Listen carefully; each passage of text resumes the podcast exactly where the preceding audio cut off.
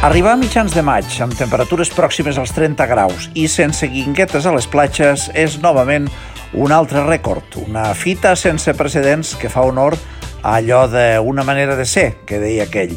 Es podria donar el cas que tot plegat fos una estratègia per adaptar-se al canvi climàtic, ara que va en sèrio, i potser les guinguetes inauguraran temporada amb el Festival de Cine i es desmuntaran després de Carnaval. O posats a buscar-hi raons, també pot ser que s'hagi planificat que aquest any no n'hi haurà, per deixar més espai lliure als banyistes ara que hi ha poca sorra. Per cada guingueta i per cada terrassa, 10 o 15 tovalloles més. En tot cas, veient com corre el calendari i suposant que les raons anteriors no tinguin fonament i que a l'estiu hi haurà guinguetes a les platges de Sitges, és fàcil imaginar-se la cursa contra rellotge dels concessionaris per intentar aprofitar encara que sigui algun cap de setmana d'estiu.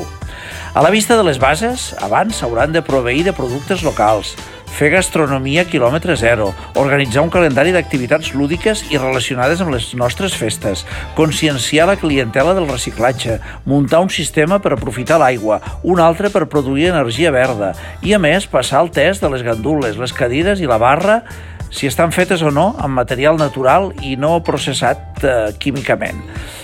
Des d'aquesta humil tribuna, molts ànims a tots els participants i encara més als afortunats. I si Déu vol, ens veiem per Sant Bartomeu per celebrar l'obertura de temporada de platges.